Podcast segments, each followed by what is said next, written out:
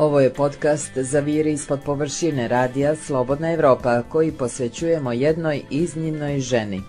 Rođena je u kraljevskoj porodici na Cetinju. Obrazovanje je stekla na dvoru. Govorila je francuski, njemački i ruski jezik. Bavila se politikom i bila savjetnica svog oca, kralja Nikole.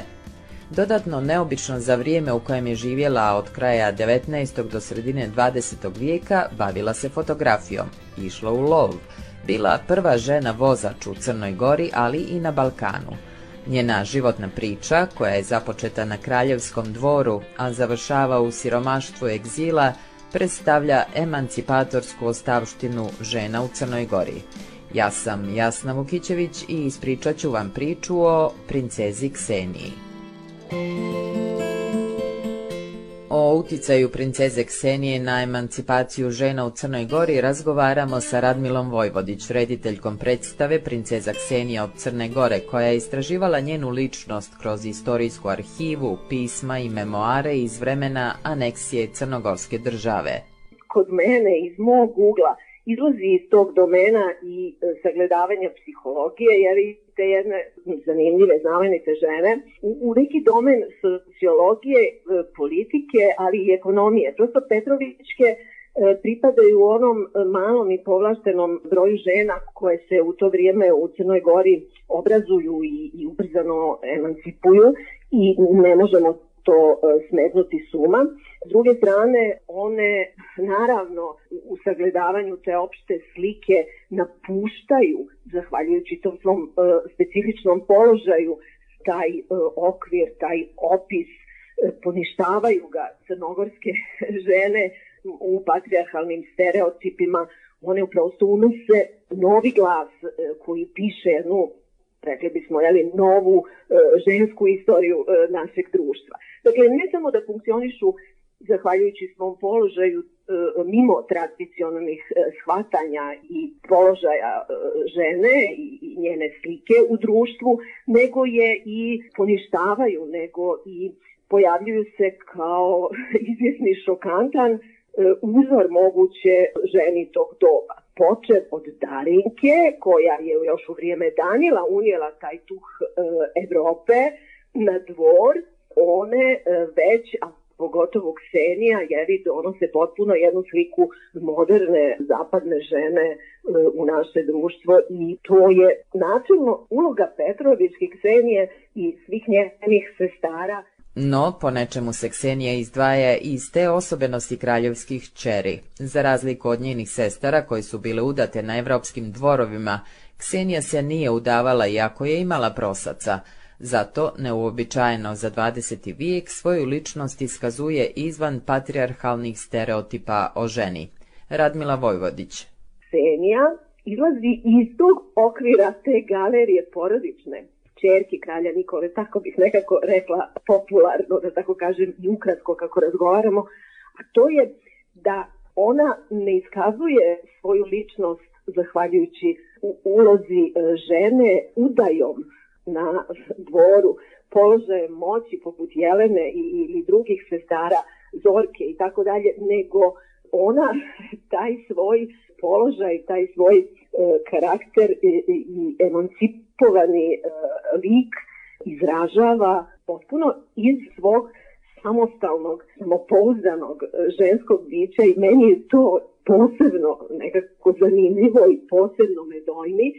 Ona, dakle, kako kažemo, i vozi i ima hobi i bavi se politikom i vrlo je angažovana i vrlo je plička i između redova u memoarima koje e, sam pomno čitala, oni se plaše njenog direktnog stava, plaše se njenog angažmana, plaše se njenog političkog bića ne samo u odnosu na braću, na pretendente, na presto, nego je, nego je imaju kao E, rivala u tom kontekstu e, e, čitavog političkog okruženja, glavarskog, da tako kažem, okruženja oko kralja Nikole. To je posebno zanimljivo u, u tom vremenu egzila kad jeli se gube glave, kad je ona ujedno i jedna neverovatna humanitarka u, u tim vremenima pogroma nestanka države i, i prosto ogromnog broja i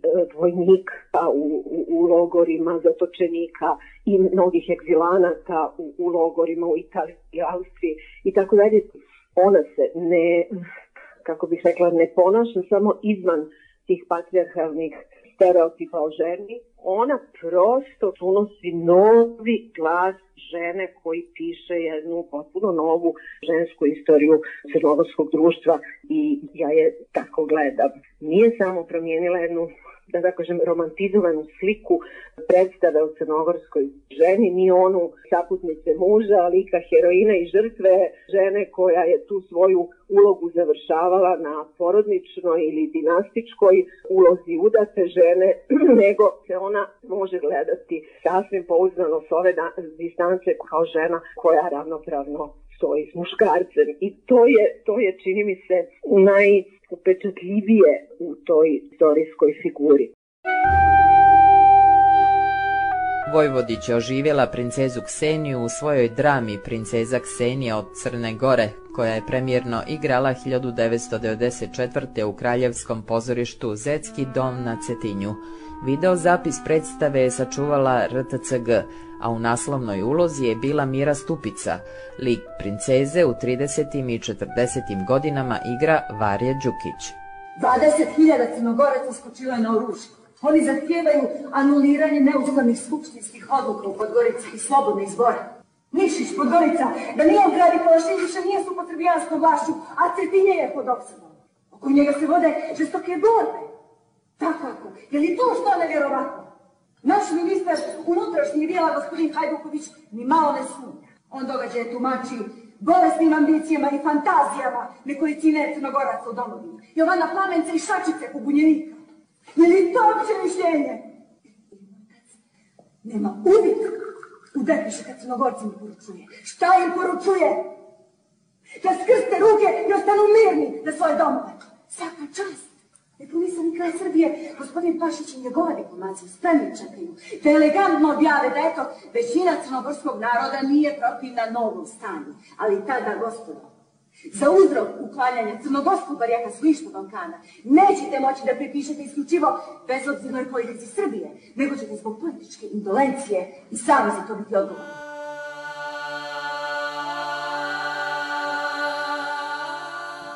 Da bi odgovorili na pitanje ko je bila princeza Ksenija, treba razumjeti i istorijske okolnosti u kojima je živjela. Istoričar Ivan Tepavčević, doktorant na temu istorije Crne Gore s kraja 19. i početka 20. vijeka. Ksenija Petrović Njegoš e, bila je deseto dijete i osma čerka kralja Nikole Petrovića Njegoša. Njen otac je vladao Crnom Gorom 58 godina. On je došao na vlast 1860. godine poslije smrti svoga strica knjaza Danila 1860. godine i vladao je Crnom Gorom sve do kraja Prvog svjetskog rata 1918. godine kada je detronizovan na Podgoričkoj skupštini. On je živio još tri godine, umro je u Francuskoj 1921. Kralj Nikola Petrović Njegoš je jedna od najinteresantnijih ličnosti u istoriji Crne Gore. On je bio sin velikog vojvode od Grahovca Mirka Petrovića, brata knjaza Danila i stane čerke Draga Martinović iz Bajica. Kralj Nikola se školovao na Cetinju u Trstu i u Parizu. Školovanje je prekinuo negdje 1860. kada se vratio u zemlju. Nakon smrti svoga strica Danila postao je crnogorski knjaz sa nepunih 19 godina. Za vrijeme njegove gotovo šest decenija duge vladavine Crna Gora je doživjela ogromni uspon. Samo da vas napomenem da je, na primjer, kada je on došao na vlast u zemlji 1860. godine, Crna Gora poslije bitke na Grahovcu imala nekih 4.500 kvadratnih kilometara, a u vrijeme Prvog svjetskog rata teritorija zemlje kojom je vladao iznosila je blizu 15.000 kvadratnih kilometara poslije Balkanskih ratova. Brojčano je i populaciono više puta porasla i modernizacija zemlje i društva odvijala se u više tih etapa donošenjem opšteg imovinskog zakonika, ustava, formiranjem stalne vojske, otvaranjem brojnih škola, gradnjom bolnica, puteva, zatim uspostavljen je u početkom 20. vijeka željeznički saobraćaj, saobraćaj vodenim tokovima, telegrafski telefonske komunikacije. U doba kralja Nikola, odnosno tadašnjeg knjaza još, jer je on kralj postao 1910. godine, kovan je prvi crnogorski novac koji se zvao Perper. Zatim u njegovom periodu imamo razvoj turizma, pozorišnog života, izdavanje listova i časopisa. Zatim e, u toku njegove vlasti jačala izuzetna međunarodna komunikacija i diplomatski odnosi Crne Gore sa tadašnjim velikim evropskim zemljama. Kralj Nikola je reformisao državni sistem, ali je ipak bio apsolutni vladar i stajao je na čelu cjelokupnog državnog aparata.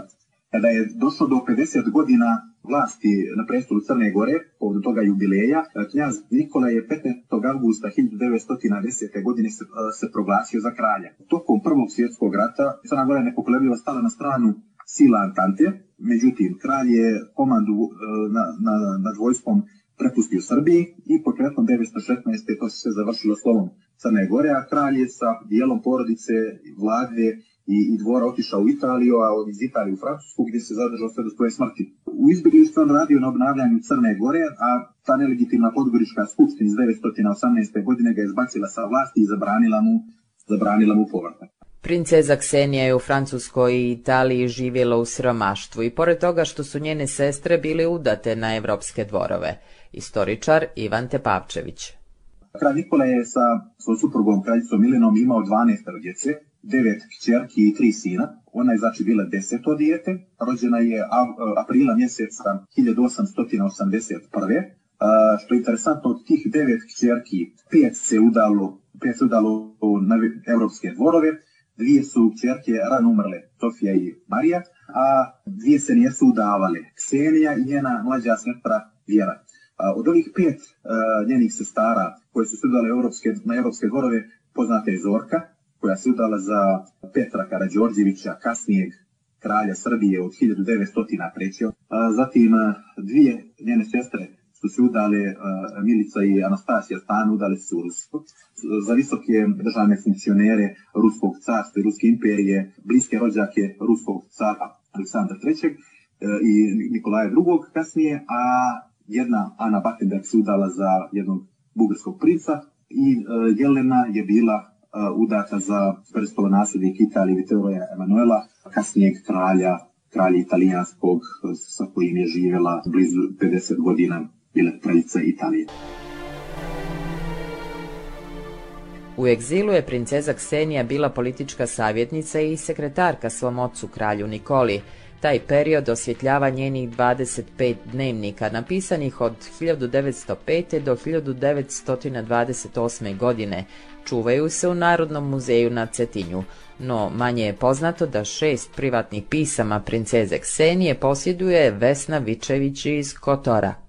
Zahvaljujući lijepim porodičnim okolnostima, imam sreću i ogromno zadovoljstvo da sam vlasnica šest pisama princeze Ksenije, koja su bila upućena jednoj mojoj strini. Pisana su na francuskom jeziku, odnose se na period od 1913. do 15. i u njima se također ispoljava njena humanost, sposobnost da razumije i da se uključuje u rješavanje na najbolji mogući način i najobičnijih dnev poslova i potreba u komunikaciji s osobama koje su to obavljale dok je ona bila odsudna, kao na primjer dobro se razumjela i tražila detalje o kupovini drva za ogriv, o potrebi i nabavci čvrstoga plata za poljske krevete koje je pripremala u tom e, ratnom periodu. Provjeravala je cijene pri odluka o kupovini. Zatim savjetovala je kako da se raspodijeli pomoć koja je bila došla iz Amerike na Cetinje i tako dalje. Kroz sva ta pisma vidi se da je bila izuzetno radna preduzimljiva i praktična žena i posebno ekonomična, što sve sigurno nije mogla vidjeti i naučiti odrastajući na dvoru, jer je tamo kao ostale ceze okupirana obrazovanje, muziciranjem, slikanjem, konverzacijama sa osobama na stranim jezicima i na svojem, e, s osobama njenog ranga i slično. Ova pisma je potpisivala obično samo sa princeza Ksenija. Jedno pismo je pak potpisala sa početnim slovima svoje titule na francuskom Princes Ksenija de Montenegro. Zanimljivo je da napomenem jedan detalj, recimo povodom e, te njene, ispisivanja te njene titule. Ona je lično ovo ispričala, nalazi se to u dokumentima i već, su, već je to i objavljeno, da je iz bezbjedonosnih razloga 1959. godine, napuštajući Pariz, obezbijedila sebi ličnu kartu sa prezimenom Noirmont, što je zvučalo jako francuski to prezime, a zapravo ona ni tada nije htjela da zanemari naziv svoje voljene Crne Gore. I sama nekadašnja političarka, poslanica Liberalnog saveza u parlamentu Crne Gore, Vesna Vičević, opisuje i političku stranu ličnosti princeze Ksenije. Može se reći nekako, ironija sudbine uredila je i to da je doživotni egzil princeza provela upravo u jednoj od zemalja koja je zbog svojih velikodržavnih interesa vidno doprinijela sveukupnoj nepravdi pa i poniženju koje je ispoljeno prema državi Crnoj Gori i njenom vladaru. I to Crnoj Gori, zemlji savezničkoj državi, posle toliko borbi i pobjeda koja je u ratu ostvarila i dala vidan doprinos konačno pobjedi u tom velikom ratu, to jest u Prvom svjetskom ratu. Sve je to bilo izuzetno poznato inteligentnoj princezi, koja je bila jako dobro verzirana u politiku, sa nepogrešivim stavovima o slučaju Crne Gore u tadašnjem međunarodnom kontekstu, čime se moglo pohvaliti malo njenih savremenica. Bila je desna ruka svom ocu kralju Nikoli, obavljala mu je sekretarske poslove, a on je izuzetno cijenio njeno pronicljivo prepoznavanje političkih procesa, intriga i lažne propagande iz Crne Gore, koje su se i tajno i javno tada odvijale. Od njenoj djelatnosti u toj oblasti sačuvani su brojni istorijski dokumenti koji to potvrđuju, a najljepše to ilustruje, da kažemo, ime kojim je, koje je otac dao i kako je zvao, a zvao je Velika. I stvarno je bila velika u svemu što je radila. Izuzetno humana. Predano je radila u mnogim crnogorskim humanitarnim organizacijama osnivanim u Francuskoj poslije rata, gdje je pomagala na razne načine, ne samo u organizacionom i savjetnom obliku. Naprotiv, njena uloga u tim društvima bila je i radna, fizički iscrpljujuća, bila je svesrdno angažovana na pribavljanju, odabiru i pakovanju brojne raznovrsne robe, namirnica, odjeće i brojnim drugim poslovima neophodnim za pomoć crnogorskim ranjenicima, vojnicima, ženama, djeci, izbjeglicama uopšte. Važan dio ostavštine princeze Ksenije su i njene fotografije sa motivima Crne Gore – na njima su sačuvane crnogorske divlje i gorde planine, pjeskovite plaže, stoljetni maslinjaci, zidine starih fortifikacija, ali i narodni običaji i svetkovine te državna slavlja, navodi Anđe Kapičić u monografiji Crna Gora u magičnom oku princeze Ksenije, u kojoj je sabrano dvije stotine njenih fotografija. One prikazuju baštenske zabave kraljevske porodice sa zvanicama obučenim po posljednjoj evropskoj modi, ali i svakodnevni život crnogoraca početka 20. vijeka iz Cetinja, rijeke Crnojevića i sa Skadarskog jezera. Princeza Ksenija je bila članica Bečkog kluba za fotografiju, a 1998. joj je Jugoslovenski savjet ekscelencija fotografije dodijelio počasnu titulu majstorice profesionalne fotografije, čime je njeno ime uvršteno na listu najznačajnijih stvaralaca fotografske umjetnosti jugoslovenskih naroda u 20. vijeku. No, što mladi danas znaju o princezi Kseniji? Ovo su karakteristični odgovori iz ankete sa budvanskim tinejdžerima i studentima. Znate li ko je bila princeza Ksenija? Ne znam. Važila je za ženu ispred svog vremena, znate li zašto? Da, to znam da je, ovaj, ali čekaj, školovana čini mi se bila, da li je doktor ili knjižem, tako nešto. Znate li ko je bila princeza Ksenija? Zašto je važila za osobu ispred svog vremena? Ne znam, stvarno da vam govorim. Niste čuli za princezu Kseniju Petrović? Čuo sam za Petrović Njegoša, ali nisam upoznat, nisam čitao, nisam, baš se slabo što se toga tiče. Zašto je princeza Ksenija bila žena ispred svog vremena? Pa ne znam ko je princeza Ksenija.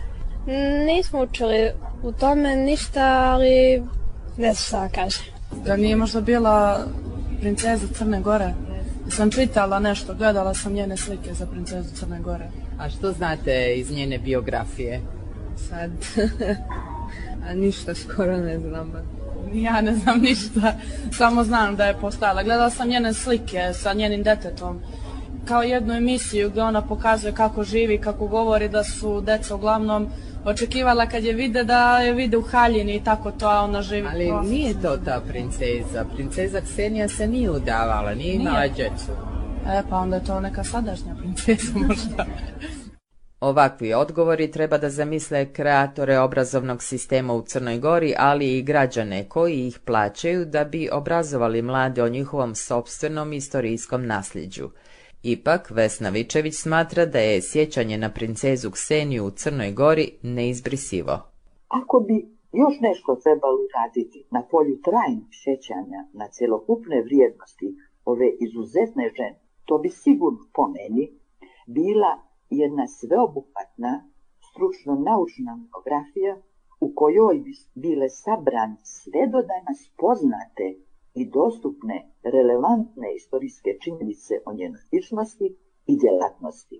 Uz to još i obasno da se odgovarajući podaci o njoj oblikuju i nađu svoje mjesto u udžbenicima istorije za školu u Crnoj Gori, kako bi sa vremen i buduće mlade generacije dobijale na vrijeme neophodna saznanja tokom svojeg obrazovanja. Ali, da budemo realni, i ovo učinjeno sada garant je da princeza Ksenija Petrović nije i neće biti zaboravljena u Crnoj Gori, koju je neizmjerno voljela i za koju se požrtvovano zalagala. To je i tekako zaslužila. Ime princeze Ksenije nosi nedavno završen prvi autoput u Crnoj Gori. Više organizacija koje se bave umjetnošću i obrazovanjem također nose njeno ime, a u crnogorskoj prijestolnici na Cetinju je lani otkriven i njen spomenik. Evo što su neki od Cetinjana tada rekli za radio Slobodna Evropa. To je jedna vertikala Cetinja, veličina, familija, Petrovića, osma čerka i ovo je na čas Cetinja i Cetinjana. Ona je bila puna energije, puna znanja, puna, ona je, mislim da je ona najviše kralja Nikolu naslijedila. Tako mi je drago da ovaj napokon ne samo kao princeza, nego da kao fotograf je ona nakon jednog vijeka nekako dobila značaj i da se to ističe da je ona fotografisala, ne da je ko nekad samo lentrala ovaj aparatom. Princeza Ksenija je zaslužila odavno, ovo, možda još na neko veličanstvenije mjesto. Nakon 44 godine egzila, princeza Ksenija je umrla 10. marta 1960. u Parizu, u 80. godini života. Trebalo je da prođe još 30 godina da se njeni i posmrtni ostaci njenih roditelja, kralja Nikole i kraljice Milene te njene sestre Vjere, prenesu u Crnu Goru, na njeno voljeno cetinje 1989 odluke nelegitimne Podgoričke skupštine kojima je ukinut dotadašnji suverenitet Crne Gore, zemlja pripojena Srbiji, kojima je ukinuta Crnogorska autokefalna crkva, a dinastija Petrović detronizovana, poništene su u Skupštini Crne Gore krajem 2018. godine. Da li je ostavština princeze Ksenije dovoljno poznata i priznata u Crnoj Gori, posebno u emancipatorskom smislu, pitamo profesoricu i rediteljku Radmilu Vojvodić. Kako bih vam rekla, mi imamo taj svečarski pristup e, i formalni mislimo da je dovoljno podići njenu statu u parku ili jeli, E, dati naziv e, autoputu, a mnogo toga iz prije svega istorijskog perioda kojem pripada i, i, i uopšte historiografski, činjenično ne znamo, ne obrazujemo jeli, naše generacije u tom pravcu i u kontekstu feminističkih glasova na ovom prostoru nemamo dovoljnu svijest koliko su se oni čuli upravo i iz te dinastičke kuće i preko autentičnog e, života te ženske persone. Dakle, ona je u svojim postupcima ne samo izjednačena sa muškarcem, što se desilo tek pola vijeka kasnije, kad gledamo jeli, zakonski kontekst, nego ona mimo te formalne zakonske ravnopravnosti ili položaja kojeg e, zauzima dinastičkom prosto pozicijom, ona je neko o kome bi e, svakako trebalo da znamo više. Ja, kad se s ove distance sad pogledaš na, na 93. godinu, kad sam se i sama upoznavala sa njom, moram da priznam da sam se i sama već kao zrela osoba i suočila sa tim da e, je ne samo mnogo, još jako mnogo činjenica naše istorije pod kustim skilom demagogije i te korumpirane historiografije, nego da sam i sama bila suočena sa tim koliko ne znam, koliko ne znam, koliko otkrivam iz jedne pitoreskne, zanimljive, jedinstvene e, istorije i o personama u ovom slučaju jeli ženskoj koja mi može biti vrlo jednostavno da kažem neki uzor, neki reper živimo već jeli, u društvu u, mas medija, potrošačke kulture, pičemo neke potpuno e, nove načine identifikacije sa ženama i savremena žena je ušla i u okvir identifikacije koje se mogu ponovo vratiti onim stereotipima o kojima govorimo na jedan način iz prošlosti, ali na novi način u novim modifikacijama.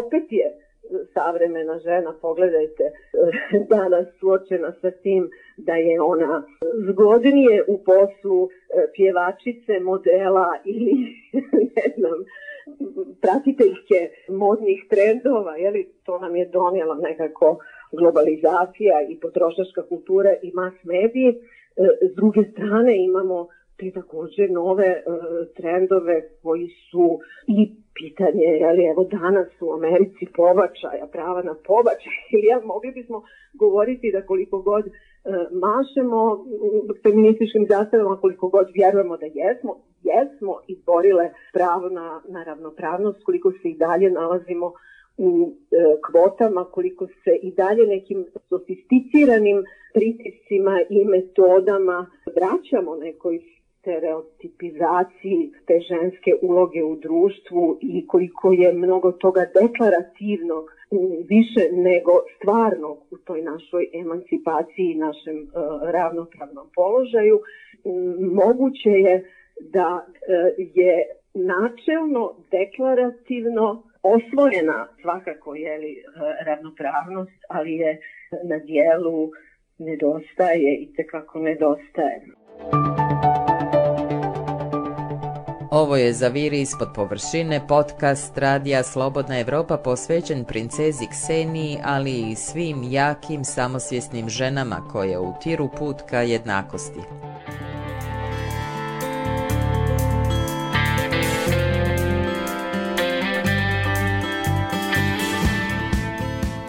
Moje ime je Jasna Vukićević i pozivam vas da ovaj, kao i sve naše podcaste, pronađete na slobodnaevropa.org, našim društvenim mrežama kao i na Spotify, Google podcastima i iTunesu.